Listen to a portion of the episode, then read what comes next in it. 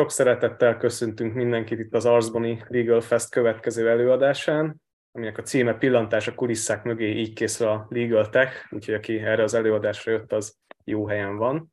A vendégeink, illetve előadóink Megyeri Andrea, innovációs és tartalomfejlesztési vezető, valamint Fülep Anna és Mátyás Ferenc jogi szerkesztők a Walters Kluwer-től.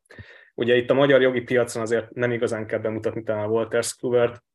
mindenki találkozott már akár a jogtárral, akár a, a prétorral. Ezen az előadáson arról lesz szó, hogy kicsit betekintsünk a kulisszák mögé, megnézzük, hogy hogyan készülnek ezek a legal megoldások, mik azok a felhasználó igények, fájdalompontok, termékfejlesztési megfontolások, amik e mögött a, a termékek mögött állnak. Úgyhogy egy fontos ügyrendi dolog, hogy a kérdéseket chatben, illetve a Q&A szekció alkalmazásával tudjátok feltenni. Ezt majd én fogom tolmácsolni az előadás vége felé az előadók részére. Nagyjából egy 30-40 perces előadással számolunk. Úgyhogy várjuk a kérdéseket, és akkor át is adom a porondot. Köszönjük szépen, sziasztok, jó estét mindenkinek! Köszönjük, hogy minket választottatok és meghallgatjátok előadásunkat. Most a Legal Festen és mindenhol tulajdonképpen ugye annyit lehet hallani a Legal Techről, hogy gondoltuk egy kis pillantás a kulisszák mögé hasznos lehet. Arról szeretnénk nektek ma beszélni, hogy mi jogászként hogyan kezdtünk el legal tech-kel foglalkozni, és és milyen megoldásokat fejlesztünk, milyen skillek hasznosak, hogyha valaki erre az alternatív jogi pályára vágyik. Bemutatom a kollégáimat, Annával és Ferivel jöttünk ma.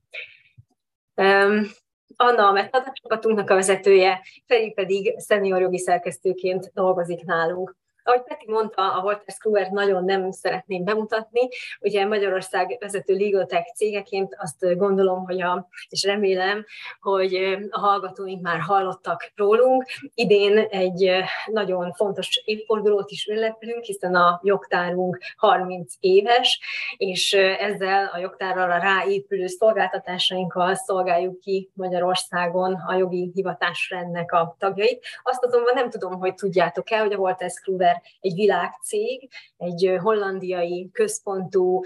cég, amely 40 országban jelen van. A világ szintjén 19 ezer embert foglalkoztatunk, Magyarországon majdnem 100 fős a csapatunk, és egyáltalán nem csak a jogi szakma számára készítünk fejlett technológiát használó megoldásokat, hanem bizony az egészségügyi területen is ott vagyunk például, gondolhatjátok, hogy ott is jellemző az, hogy a legújabb technológiai megoldásokat kell az ügyfeleinknek szolgáltatni. Annyit szeretnék még mondani szűkebb értelemben a csapatunkról, hogy itt a magyarországi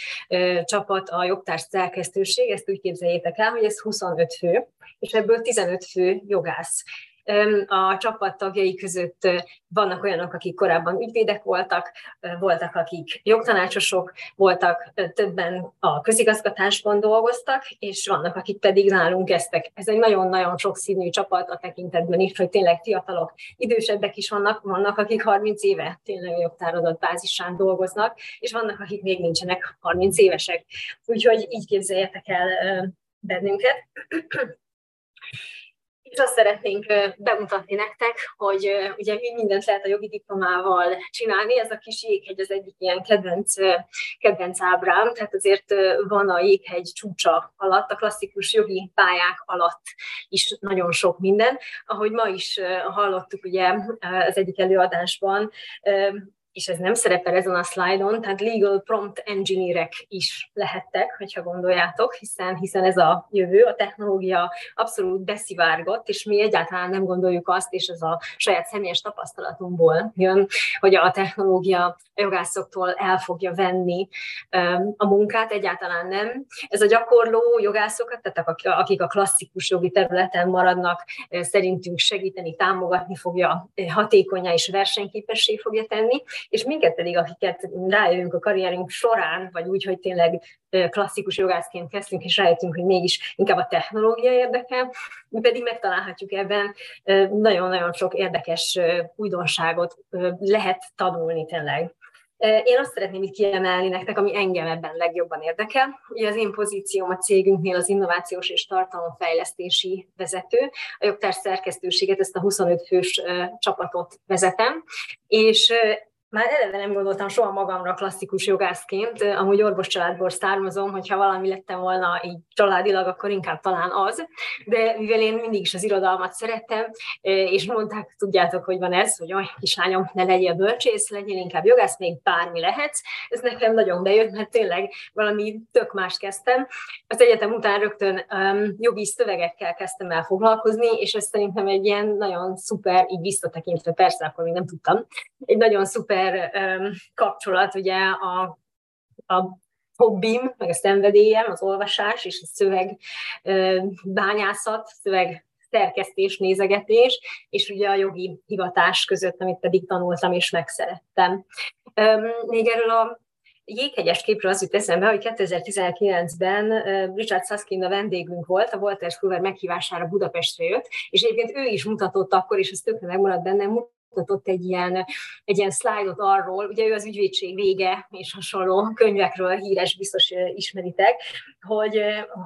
hogy mutatott egy hasonló képet, hogy milyen egyéb pályák vannak, és a legal engineer, ami szerintem mi vagyunk az annáik, a legal technologist,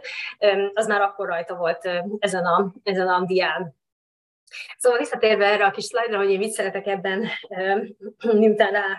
találtam erre az útra, én azt szeretem, ahogyan a jogászok számára készülő szakértői megoldásokat fejlesztjük, és azt gondolom, hogy ebben feltétlenül szükség van jogászokra. Tehát mi sokkal jobban megértjük azokat a munkafolyamatokat, amelyeket támogatni akarunk, és tudunk egy ilyen közvetítő szerepet betölteni az igazi legal tech fejlesztők között. Nyilván mi is fejlesztőkkel, tehát IT fejlesztőkkel dolgozunk együtt, a, a kódot azt nem mi írjuk, hanem mi megértjük a fájdalom pontját a felhasználóknak, akik ugye a mi esetünkben a jogi hivatásnak különböző területeiről jönnek, és ezeket a fájdalompontokat megtaláljuk és lefordítjuk megoldásokra. Ez a Discover, Design, Deliver, Deploy, ez a ciklus, amiben, amiben dolgozunk, és szerintem a, a Discover és a Design egyébként a legérdekesebb terület. A Discover az azt jelenti, hogy fel kell fedezni, hogy hol lehet akár mesterséges intelligenciával, de ugye nem kell ennyire azért elrugaszkodni, tehát hol lehet technológiai megoldásokkal, automatizálással segít, segíteni a jogásznak a, a munkafolyamatát, és nem kell egyébként mindenre ráerőltetni a technológiát, ezt is gondolom, hanem meg kell találni azt, ahol valóban segít. Itt ezen a területen például, ha arról is akarunk beszélni, hogy mely munkakörben milyen skilleket érdemes kifejleszteni, akár a pszichológiai érdeklődésűek is is megtalálhatják a, a helyüket, ugyanis az, hogy valakiből kiszedd azt, hogy tulajdonképpen mit szeretne, az nem annyira egyszerű. Egy ilyen interjú szituációban sokszor azt mondják a, az ügyfeleink, a felhasználóink, amit gondolják, hogy mi hallani szeretnénk. Ezért végezünk például kontextuális tervezést, olyan interjúkat folytatunk, amikor melléjük ülünk, és megkérjük őket, hogy engedjék meg, hogy megfigyeljük a munkafolyamatukat. Amikor kattingatnak a különböző alkalmazásokban, akkor sokkal jobban ugye, ki tudjuk olvasni azt, hogy hol van esetleg valamilyen elakadásuk. Én ezt a részt például nagyon élvezem. A másik terület pedig a design, amikor megtervezzük. Nagyon érdekes, tehát UX, User Experience, tervezőkkel dolgozunk együtt, és, és szerintem csodálatos az, milyen eszközöket használnak. Egyébként, ha az is szerintem egy nagyon érdekes dolog, hogy ugye ez egy totál digitális dolog. Mi egy, mi egy világcég vagyunk, mi ezeket a fejlesztéseket nem csak Magyarországon csináljuk, hanem régiós kapcsolatok is vannak, és egyébként az USA-val is dolgozunk együtt, és nyilván ehhez egyébként, ha megint a skillekre visszatérek, az angol nyelvet ajánlom mindenkinek, hogy azt nagyon érdemes jól elsajátítani, hogy tudjatok kommunikálni. Egyébként ez egy nemzetközi karrier lehet jogászként, amivel azért sokan szembesülünk, amikor ugye a Magyar Ügyi Egyetemet elvégezzük, hogy nehéz, hogyha külföldre vágysz olyat találni, ami tényleg izgalmas a magyar jogi végzettségedbe. De azt akartam mondani, hogy a, a, a legal design, meg ez, a, ez, a, ez, a, ez az ügyfél élménynek a tervezése, az is nagyon-nagyon érdekes, és például ahol ez a nő mosolyog a kezében a kis nagyítóval, az, az például egy ilyen prototípus, tehát annyira jól meg lehet ezeket rajzolni, és online eszközökkel közösen kreálni ilyen, ilyen mutatható prototípusokat, hogy az, az szerintem az, az külön érdekes, és aztán ezeket visszamutatni, és erről megkérni az ügyfeleknek a, a visszajelzését, amikor ezeket már ő tulajdonképpen nyomkodhatja, az még egy lépése a fejlesztésnek, ennek a, ennek a legal tech fejlesztésnek, amit én nagyon szeretek. A deliver és a deploy az pedig már tényleges fejlesztés, amikor ugye létrejönnek tényleg a, az ötletek és a megtervezett felhasználói élmény alapján a megoldások, és, és ugye ezeket aztán kiadjuk, elérhetővé, elérhetővé tesszük. Úgyhogy azt hiszem az én 10 percem már le is járt, és ezért szeretném átadni Annának a szót, hogy mutassa be azt a munkakört, amiben ő dolgozik, és hogy őt mit fogta, őt mi fogta meg ebben az alternatív jogi pályában. Köszi, Andi.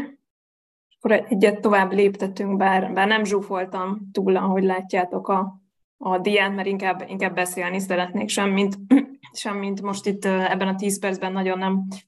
nem tudunk mit megmutatni, és szerintem sokkal érdekesebb, amit most szóban el tudunk erről mondani, aztán pedig nagyon szívesen várjuk egyébként tényleg a kérdéseket, és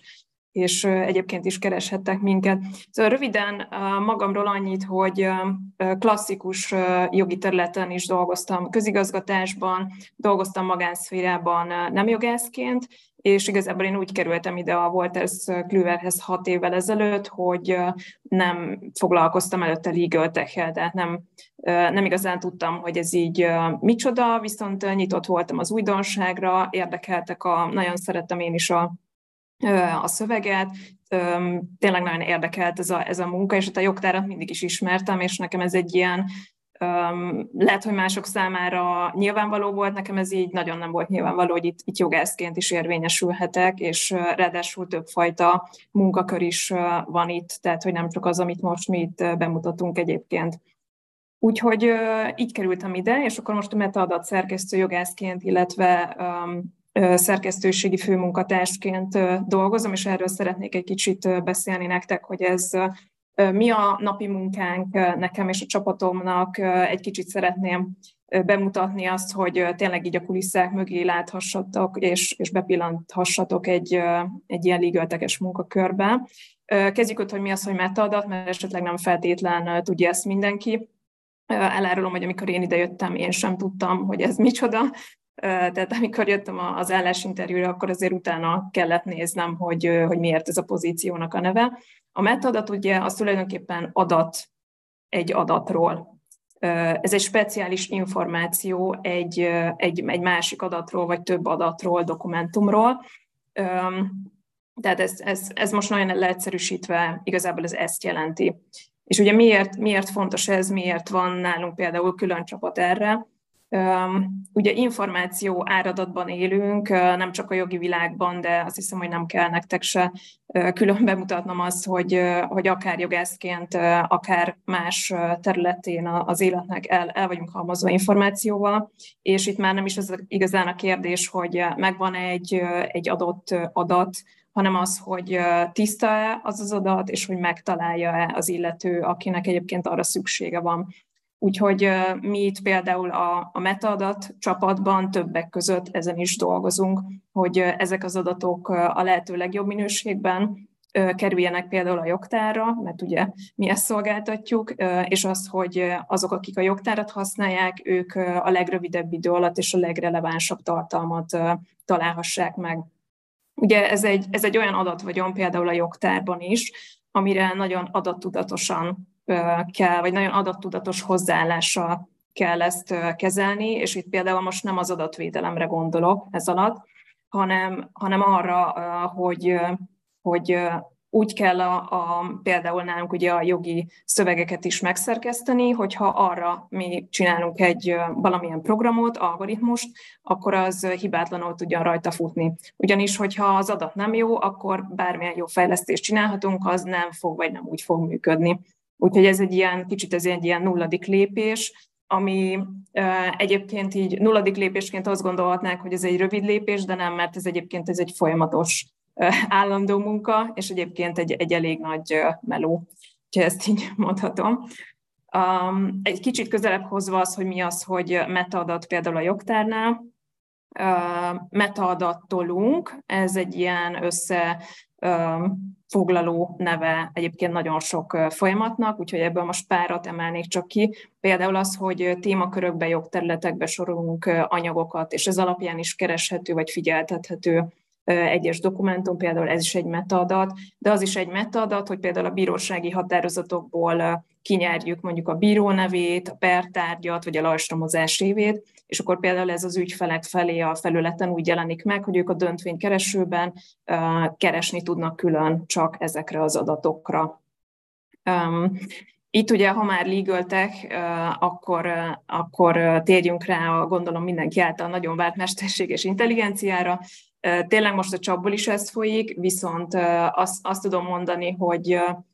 hogy nálunk ténylegesen és, és valósan vannak már olyan az ügyfelek felé is kikerült fejlesztésünk és újdonságunk, újdonságaink, amik valóban mesterséges intelligencián alapulnak és ezáltal működtetnek, ugyanis nagyon sokszor szeretnek az AI-jal így dobálózni elméletben, de valójában a gyakorlatban nagyon sokszor azok csak okos megoldások, de nem igazán a mesterséges intelligencia megoldásaival valósulnak meg, viszont nálunk tényleg, tényleg vannak folyamatban projektek, és vannak olyan megoldások már az ügyfelek számára is elérhetően a jogtáron, ami, ami ezeken alapulnak. E, ezekről most így, így figyelem az időt is közben, hogy ezért ne fussa ki, de ezért szeretnék nektek egy-két dolgot elmondani, ami így érdekes lehet, vagy remélem, hogy így felkelti az, az érdeklődéseteket. A, például az egyik megvalósult projektünk az az, hogy gépi tanuláson alapuló címkéző algoritmust készítettünk. Ezek a BHG-kra, vagyis az anonimizált bírósági határozatokra készültek. Ez egy nagyon nagy adathalmaz, tehát itt közel 200 ezer dokumentumról beszélünk, és ez így dinamikusan növekszik, hiszen újabb és újabb határozatok jönnek, amiket feldolgozunk, és ugye nyilvánvalóan ezt kézzel megoldhatatlan lett volna egyrészt, másrészt pedig itt egy olyan logikán és olyan modelleken alapuló megoldást készítettünk el, ami, ami egyébként alapja a mi további fejlesztéseinknek is. Ez, nézzük meg egy kicsit a folyamatot, hogy ez, ez hogy, hogy ment. Ugye nagyon sokszor, amikor szintén AI-ról, vagy mondjuk ChatGPT-ről, csak hogy kimondjam ezt a szót, hogy majd amikor felkerül ez a ez a videó a, a YouTube-ra, vagy ahol felteszitek, akkor majd előrébb sorolja ezt a videót, csak mert kimondtam ezt a szót. Szóval amikor ilyen megoldásokat látok, akkor,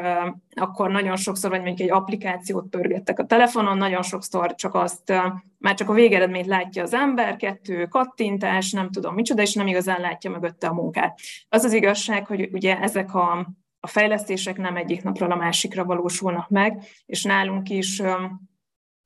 nagyon sok finomítás van, finom hangolás van, nagyon, néha nagyon hosszú a folyamat, ugye ez éppen attól függ, hogy, hogy milyen előre például nem látott akadályokba ütközünk. De hogy hogyan néz ki mondjuk egy ilyen folyamat, ugye kitaláljuk a koncepciót, mi ugye nem vagyunk, én nem tudok programozni, tehát mi itt a, a jogászok nem, nem programozunk, nem kódolunk. Viszont nagyon-nagyon sok mindent megtanulunk a folyamat során, tehát ez így nem tankönyvi tudás, hanem on the job tanulja meg az ember ezeket a, a nagyon hasznos skilleket és egyébként tudásokat, de persze tan, nem tanulunk, de hogy nagyon, nagyon sok cikket is olvasunk hozzá, vagy nagyon sok ugye, további ismeretet sajátítunk el, de ez abszolút a gyakorlatban meg is valósítjuk rögtön. Tehát az a lényeg, hogy egyébként ne jegyetek meg, hogyha most a ligöltek az nem egyelő azzal, hogy most jogászként nektek programozni kellene, viszont nagyon sok ilyet meg lehet tanulni, és ötvözni lehet, és fel tudjátok használni majd akár egyébként, ha klasszikus jogi vonalon mentek, hogy a, a saját munkátokat tudjátok segíteni vele, akár pedig, ha kifejezetten alternatív jogi pályán szeretnétek, vagy errefele szeretnétek jönni, akkor pedig kifejezetten hasznos lesz, hogy akkor a munkátok nagy része tud erről szólni. Szóval visszatérve az algoritmusra, kitaláljuk a koncepciót, és akkor utána ugye fejlesztőkkel együtt dolgozunk, ahol mondjuk vannak NLP engineerek, és, és más olyan IT-hoz értő emberek, akik ugye ténylegesen ezt leprogramozzák, utána visszakerül hozzánk az adat, akkor mi azt teszteljük, finomítjuk, kitaláljuk, hogy ezt máshogy kéne csinálni. A címkéző algoritmusnál, például átalakítottuk a struktúrát, vagy kértük, megbeszéltük ugye közösen a fejlesztőkkel, hogy valaminek kicsit finomítani, állítani kéne bizonyos eredmények, ugyanis azt mutatták, hogy valamelyik jobban működik, valamelyik nem, és mondjuk volt mondjuk hat ilyen kör. Tehát amikor visszakerül a fejlesztőkhöz, aztán hozzánk visszakerül, mi is csináltunk kézzel címkézést, amit aztán tanítóadatként pedig a fejlesztők tudtak felhasználni azokhoz a modellekhez, amelyek végül ugye ezt a címkéző algoritmust kiadták. Tehát egy-egy ilyen megvalósult fejlesztés mögött nagyon sok emberi szakértelem és erőforrás is áll, tehát egyébként ezeket így kell nézni. És például egy másik, nem is tudom, talán két hete élesedett a jogtáron, vagy lehet az is hogy múlt héten biztos meg, nem tudom megmondani pontosan, tehát ez egy nagyon friss fejlesztés, és már az ügyfelek számára is elérhető. Ez szintén a BHG-knál, tehát ugye az anonimizált bírósági határozatoknál ra, tehát hogy erre fejlesztettünk, ez pedig az úgynevezett ilyen automatikus kivonatok. Itt ugye megint erről a 200 ezer dokumentumnyi adathalmazról beszélünk, a BHG-k ugye eléggé hosszúak, és ugye a találati listában, amikor megjelenik az ügyfél számára, az az egy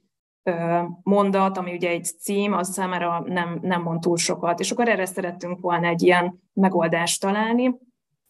és ezt, ezt találtuk ki, hogy kivonatokat készítünk, pontosabban egy olyan algoritmust készítünk, ami kivonatokat készít ezekről a BHG-król, és így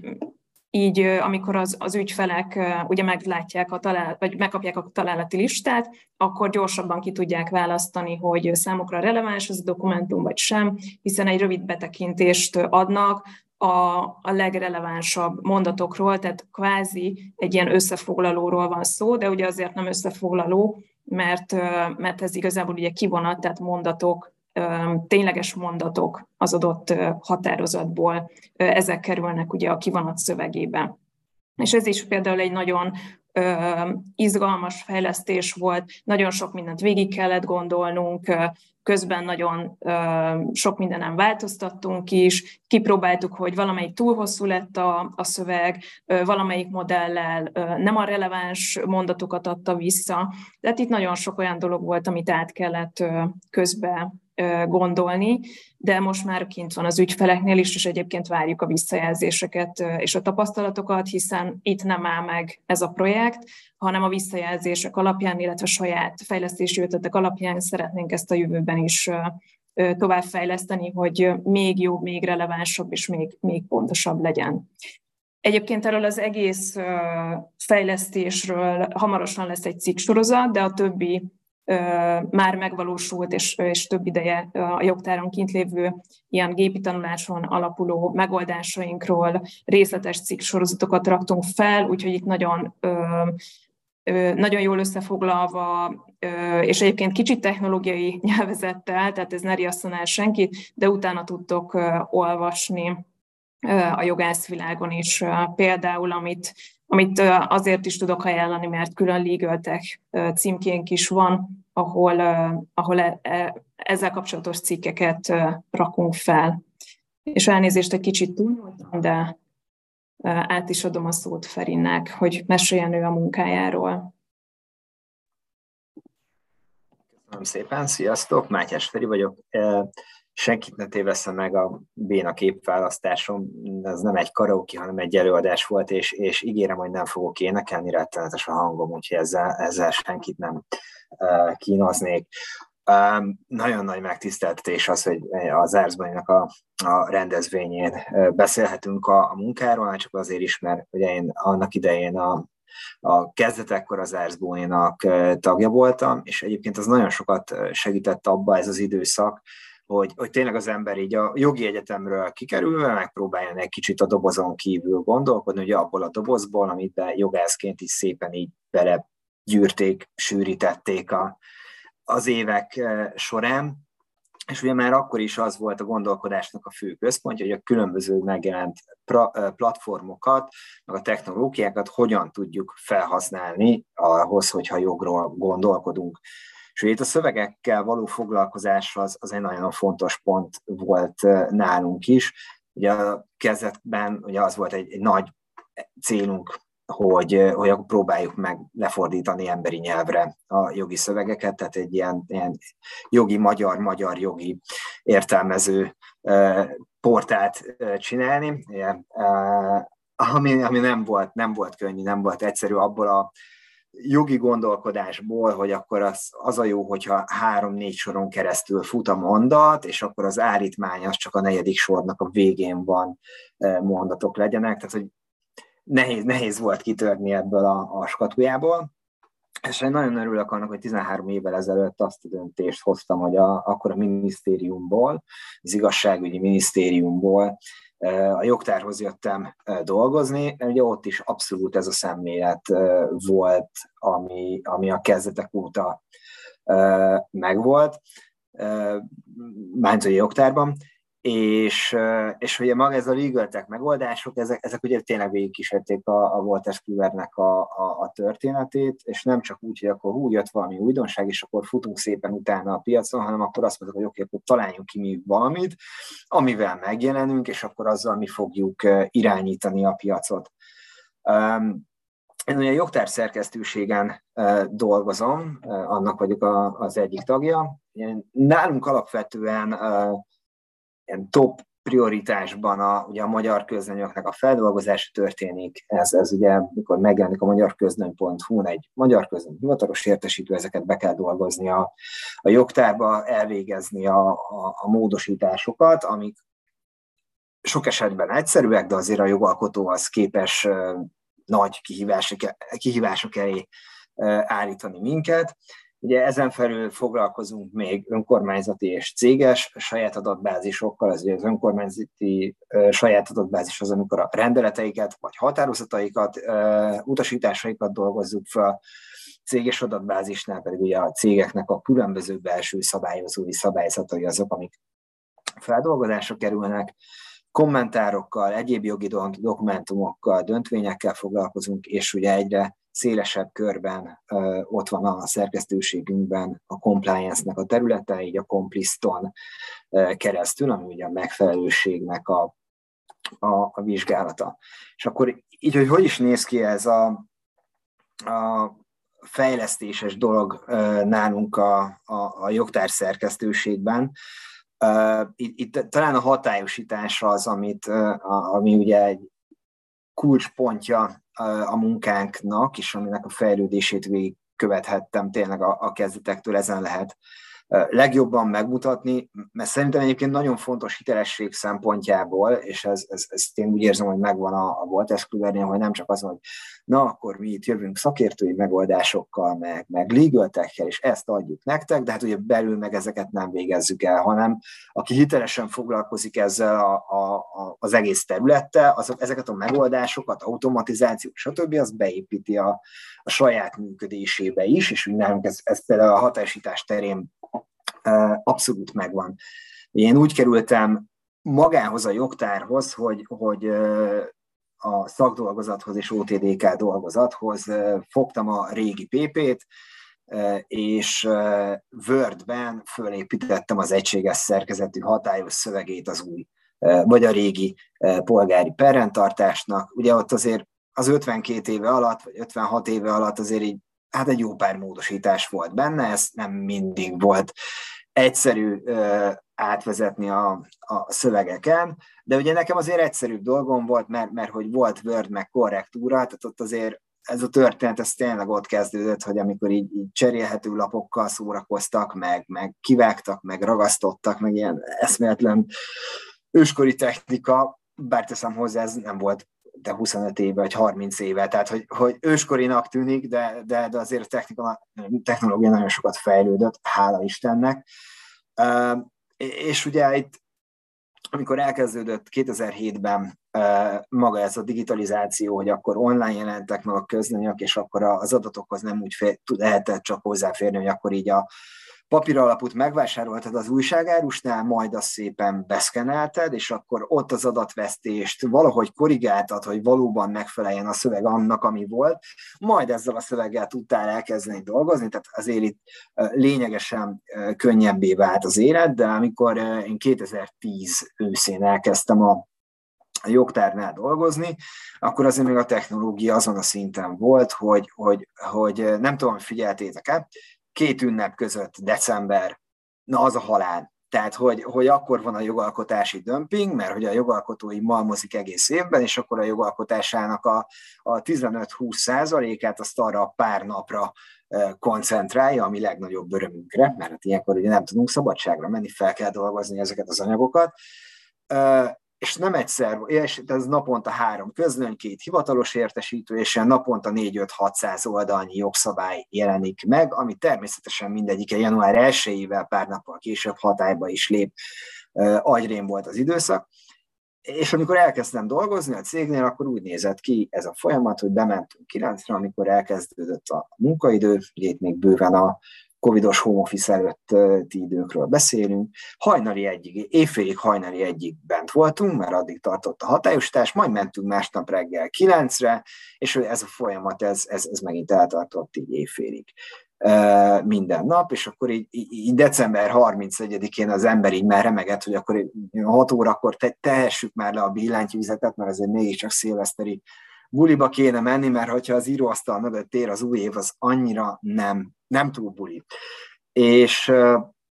ugye ebben az időben volt a, az a gondolatunk, hogy, hogy hát, hogy annyira nem szeretjük ezt a, ezt a fajta munkát így, meg lusták is vagyunk, és hogy mi lenne, ha fejlesztenénk? És, és szerencsére így, így az IT-saink azok, azok olyanok, hogy megmondtuk, hogy figyelj, ezt és ezt és ezt szeretnénk, meg lehet csinálni? Persze lefejleszti. És tehát, hogy fel tudtuk gyorsítani a folyamatot úgy, hogy, hogy gyakorlatilag most, amikor ilyen, ilyen brutális évvégéink vannak, mint most is ugye az volt, 1100 jogszabályban cserélgették megyét vármegyére, gyakorlatilag a munkaidőben bőven be lehet férni, sőt, még olyan extra dolgokat is meg lehet csinálni, amit, amit, ami korábban nem félt volna bele. Ugye ez azért nagyon fontos, és akkor itt ugye e, ez ugye nem csak egy befele fejlesztés, hanem ez, ez kifele is megjelenik, hogy ezáltal az ügyfeleinket sokkal-sokkal gyorsabban ki tudjuk szolgálni, hogy ezeket a, a az innovatív megoldásokat beépítjük a saját működésünkbe, mert adott esetben tényleg délre kész van az előző esti közlöny, vagy ha kisebb volt, akkor mit délre már, már online meg is jelent az ügyfélnél ami jó. Majd utána ugye jött az, hogy, hogy azért itt, itt voltak ilyen több száz módosítást tartalmazó úgynevezett saláta jogszabályok, és azért ott sem volt egyszerű, bár nagyon jók voltak a fejlesztéseink, és, és tényleg így, gyorsan tudtunk dolgozni, de hogy azért volt az, hogy azt a mint a 190 módosítást klik hatályosít, klik hatályosít, klik hatályosít, klik hatályosít, ellenőriz, klik hatályosít, ami, ami, ami szintén egy ilyen hát egy elég favágó munka volt, és az előző ügyvezetőnknek jutott, vagy volt az a, a nagyon jó gondolata, hogy automatizálni kéne. Ugye ez, amitől mindenki rett, úristen, automatizálás, hogy elveszik a munkánkat, de hogy, de hogy egyébként egy zseniális dolog volt, mert hogy az egyszerűbb jogszabályoknál, ahol nincsenek ilyen nagyon bonyolult dolgok, gyakorlatilag a hatályosítás az abból áll, hogy megnyomunk egy gombot, hogy hatályosít. És, és akkor az így szépen végigfut az anyagon, be, berakja a változásokat, és ugye berakja azokat a lábjegyzeteket is, amit, amit ha megnéztek egy anyagot a jogtáron, akkor ugye ezek a lábjegyzetek ott vannak. Nagyon rövid összehasonlításként, ugye van most ez a, az IER nevű rendszer, az integrált jogalkotási rendszer, és a LOCLEX alkalmazás, amit az önkormányzatoknak ugye ebben kell dolgozni, és így van szerencsém belenézni mind a kettőbe, mert ugye önkormányzatoknak csinálunk ilyen szolgáltatást, hogy, hogy az IIR-be dolgozunk helyettük, és ha van egy, mit tudom, tíz paragrafusból álló önkormányzati rendeleten módosító, ami nagyon egyszerű, semmi bonyolult dolog nincsen benne, minden mindennek a helyébe lép, vagy szövegcserés változás történik benne, és a jogalkotó nem rontotta el azt, hogy melyikben akarja lecserélni, hanem tényleg a jó helyek vannak megjelölve, egyetlen egy hatályba lépése van, mondjuk követő napos hatályba lépése. A, az, hogy ugye elvégezzük a jogtáron a hatályosítást, egy kattintás. Elvégezzük az önhatályosítást, ugye az önhatályosítás alatt itt ezt a jogalkotási törvény szerinti automatikus deregulációs hatályosítást értem, az egy gomb, megint csak. Na, amikor ezt IR-be kell megcsinálni, akkor ott azért, tehát ott kézzel egyesével, mint régen a PP-ben, hogy akkor így kivágom, berakom, beírom a lábjegyzetet, kivágom, berakom, beírom a lábjegyzetet. Tehát, hogy egy, egy, tényleg azt lehet mondani, hogy egy ilyen rendelet esetében 20-25-ször annyi időt visz el, mondjuk az IR-be megcsinálnom egy rendeletet, mint a jogtáron. És ugye azért az embernél a legértékesebb dolog az idő, úgyhogy ez szerintem egy nagyon fontos, hogy tényleg használjuk ezeket a, a, a megoldásokat. A másik, ami, ami, ami szintén megkönnyítette az életünket, hogy kezdetben ilyen CD formátumban volt a jogtár. A fiatalabbak talán már a kazettára biztos nem, de lehet, hogy már a CD-re se emlékeznek, hogy az, az milyen volt. Ugye az, amire egy zenekarnak egy albuma ráfért, és, és akkor jó esetben, ha nem volt túl hosszú az album. Majd ugye jöttek a DVD frissítések, ez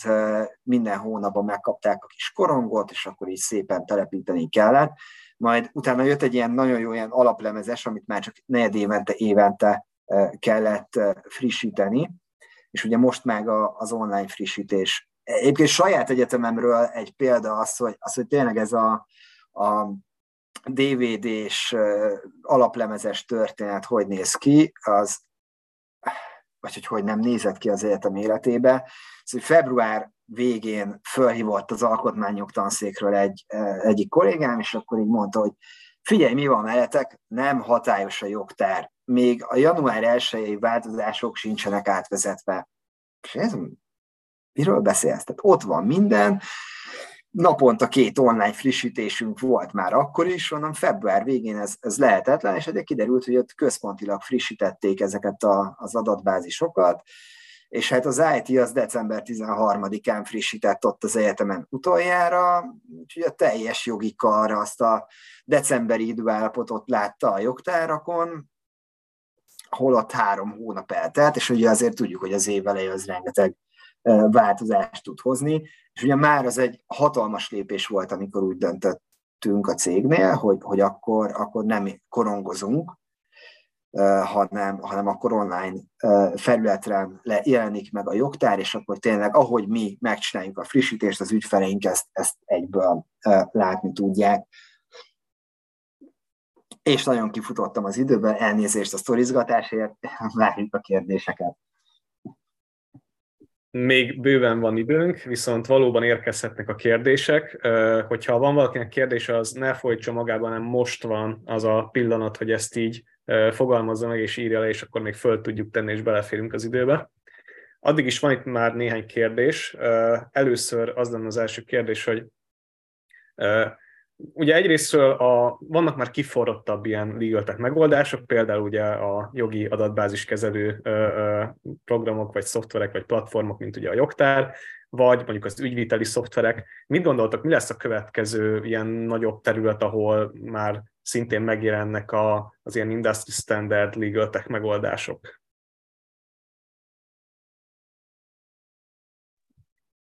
Meglátjuk, hogy hol lesz igény. Tudjátok, most megy az a GPT, mondjuk még egyszer hype. Nyilván ezt is vizsgálgatjuk, hogy milyen use case esetek merülnek fel, ahol ezt majd lehet használni amilyen más megoldás, és az is nálunk is van már, és, és abban egyébként Ferinek volt igaza, hogy, hogy nem, nem utána megyünk, hanem sokszor elébe megyünk a, a fejlesztéseknek, tehát például amikor még a CD volt annak idején a nagy újdonság, és ugye áttértek a, az ügyvédek a, a papír ragaszgatásról CD-re, akkor emlékszünk, hogy a, vagy hát mi nem emlékszünk, de a 30 évvel ezelőtt nálunk dolgozó kollégáink mesélik, hogy ők mentek ki ugye telepíteni a CD olvasókat az ügyvédi irodákba, tehát ugye ott is így el, elé mentünk. Most is vannak olyan megoldásaink, amik már megvannak nálunk, ezek egyébként leginkább a dokumentumok elemzésére vonatkoznak, tehát az, amikor a dokumentumokban lévő hivatkozásokat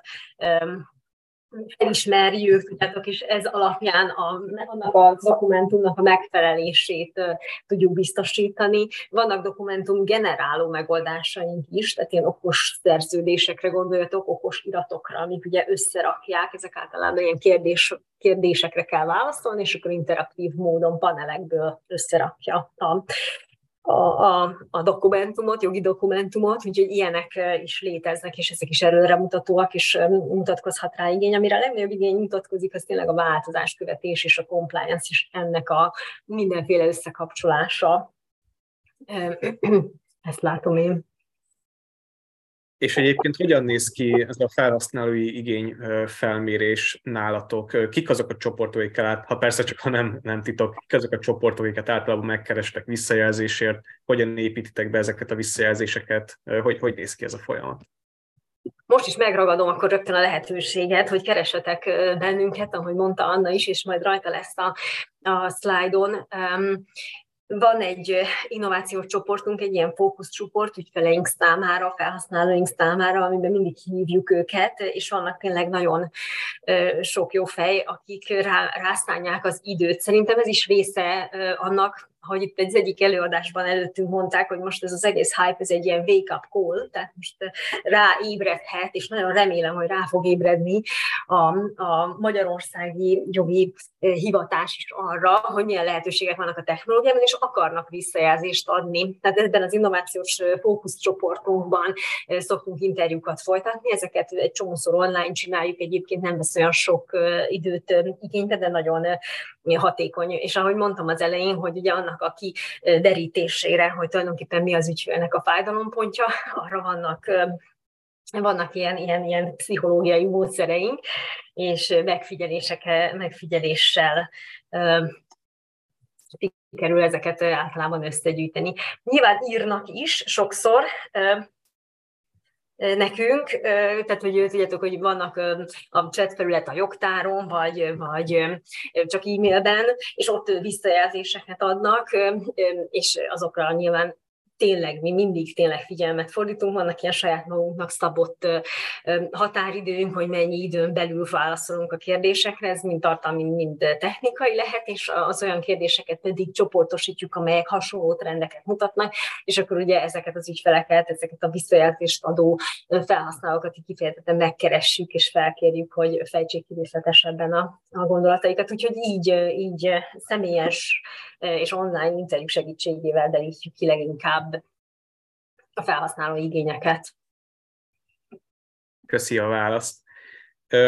És mi a helyzet az olyan megoldásokkal, mint például a, a legal design, illetve bármi olyan megoldás, ami arra irányul, hogy ugye ezt az információ halmazt, ami a jog, ez feldolgozhatóbbá tegye a befogadók számára, legyenek azok hát egyszerű jogalanyok, vagy inkább a ti esetetekben ugye gyakorló jogászok, ügyvédek, közigazgatású dolgozók nézelődtök-e ilyen területen is, vagy mennyire kezelitek ezt a kérdést, mennyire gondolkodtak erről?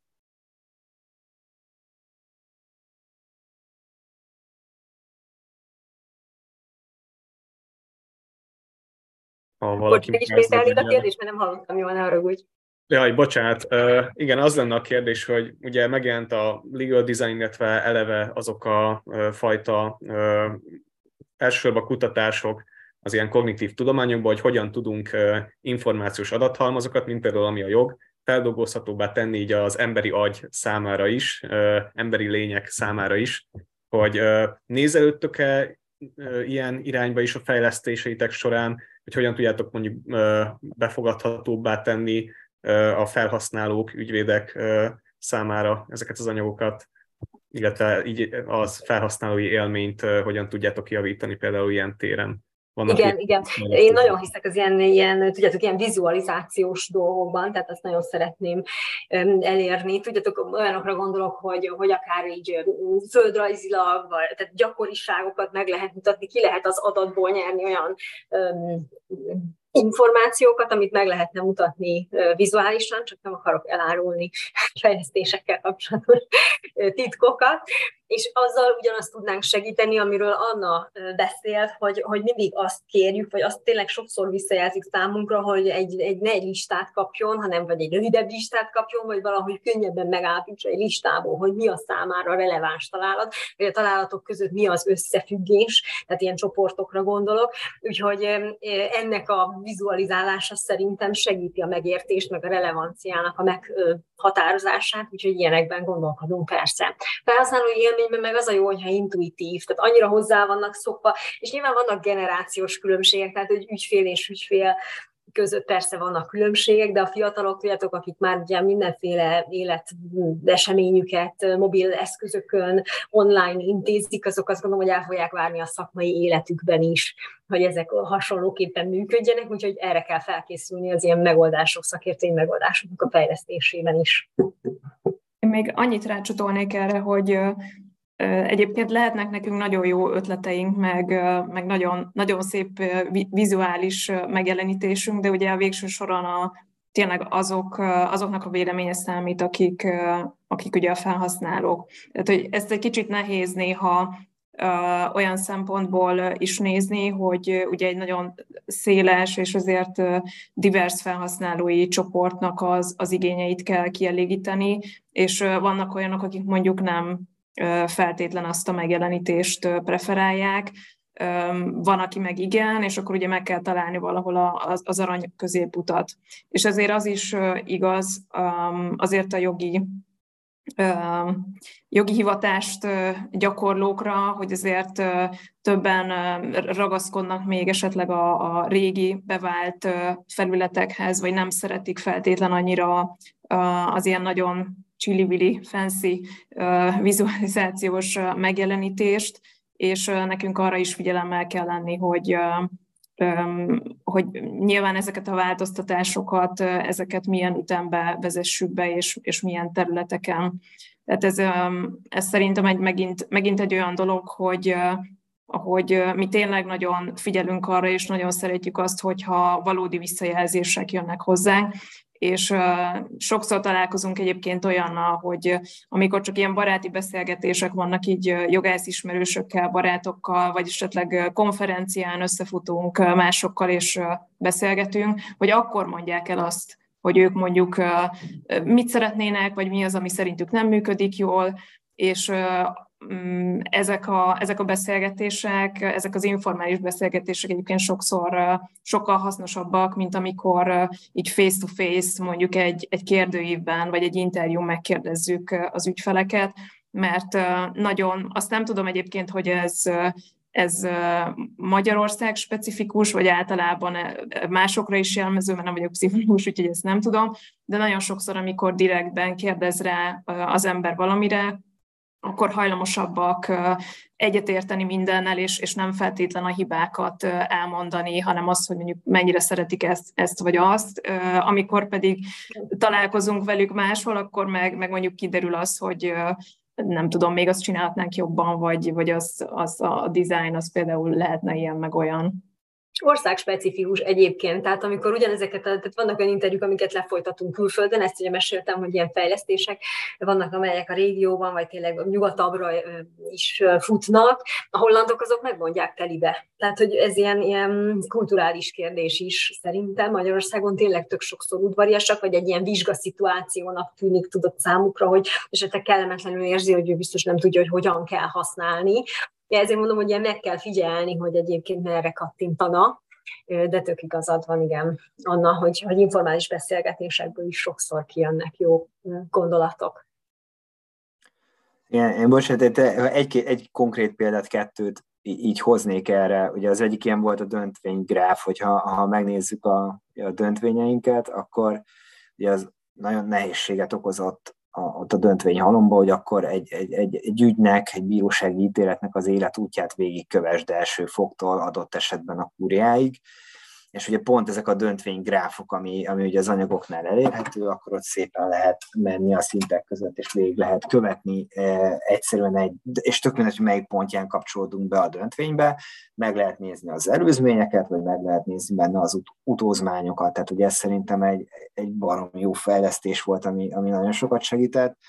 meg hát, meg hát ugye ez a kivonatok, amiről, amiről Anna beszélt, azért egy, egy döntvényt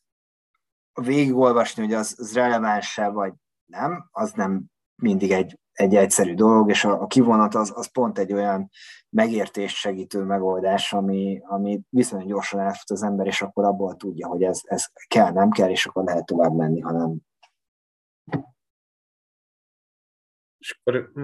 köszi a választ, és végül még egy utolsó kérdés lenne, hogy ami inkább az ilyen karrierre vonatkozik. Szerintetek mennyire fontos az, hogy valaki gyakorlati jogi tapasztalattal rendelkezzen ahhoz, hogy később legal tech specialista legyen, illetve mi az a képzés, amit esetleg ajánlanátok annak, aki ilyen irányba képezni tovább magát,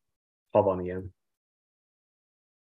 Nálunk van ilyen is, olyan is. Tehát tényleg vannak, akik klasszikus pályáról jöttek, és vannak, akik nálunk kezdtek. Akik nálunk kezdtek, ők sem. Tehát nincsenek hátrányban, mert ahogy itt mesélték a többiek, mi magunk is használunk olyan technológiai eszközöket, amelyeket el kell sajátítani, és ezeket tudod így szűztemmel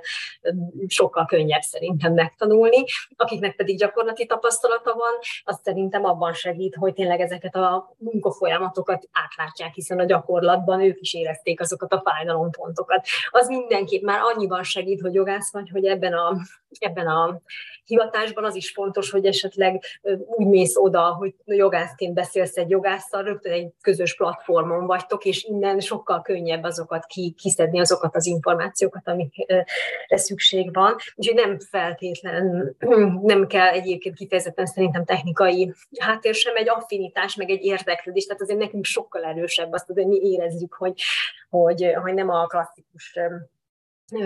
jogi gondolkodásmód érdekelt bennünket, hanem a technológia mindig is jobban érdekelte a, a csapatnak a, a tagjait azt, hogy mit érdemes tanulni, például többen nálunk ugye szakvizsgázottak, többen szakjogászok, a szakjogászi végzettség közül kifejezetten a kodifikációs ismeretek szerintem az hasznos, mert ugye ennek az elmélete, hogy hogyan módosulnak a jogszabályok, persze tanuljuk az egyetemen, de nem olyan mélységben, úgyhogy azt, azt találom egyébként kifejezetten hasznosnak. Én is a, a nyitottság az talán, amit, amit, amit kiemelnék. És uh, ugye nálunk a cégben ez, ez, ez például annyira jól működik, hogy, hogy nem, nem vagy egy ilyen, ilyen jogi skatujába beledobva, hogy akkor te vagy a hatályosító jogász, és akkor te minden nap reggel 9-től délután 5-ig, 6-ig te hatályosítasz, és, és, és mást nem csinálsz, hanem hogy ugye a kezdetek óta az volt, hogy, hogy akkor most éppen a marketinggel vagyunk szoros kapcsolatban, mert, mert próbálunk nekik segíteni valamit, és beleállsz a marketingbe. Mész, mész a szélszessel az ügyfelekhez, látod fizikai valójában az ügyfelet, segíted a szélsznek a munkáját, csomó ilyen szélszes képességet is el lehetett sajátítani. Informatikai cég is, meg kell tanulni beszélni egy IT-ssal ami utána megint ilyen, ilyen tök sok kaput fog uh, kinyitni, és akkor azzal, azzal már így tényleg be lehet menni a termékfejlesztésbe. Tehát, hogy én is ugye a minisztériumból jöttem ide, ott ugye az alkotási részről, ide a hatásítási részre, eleje vége, tehát hogy ez, ez, ez így köszönő viszonyban nem volt úgy a, a tudásom a legal de, de hogyha az ember tényleg így nyitott ezekre a dolgokra, akkor, akkor szerintem az, az nagyon-nagyon sokat az az, ami igazán számít. Ez egy nagyon inspiráló végszó, mivel lassan kifutunk az időből. ezután is nagyon köszönjük a beszélgetést, illetve az előadást nektek, Andi, Anna, illetve Feri. Ne menjetek még sehova, a résztvevőknek mondom ezt, és következő előadásunk az 8 órakor kezdődik, a linkjét pedig megtaláljátok a chatben, illetve reméljük, hogy még találkozunk a további Legal Fest rendezvényeken is. Ezúttal is köszönjük a figyelmet, reméljük, hogy sokat tanultatok, és további szép estét kívánunk mindenkinek. Sziasztok! Köszönjük szépen! Köszönjük! Köszönjük. Sziasztok! Sziasztok! Sziasztok!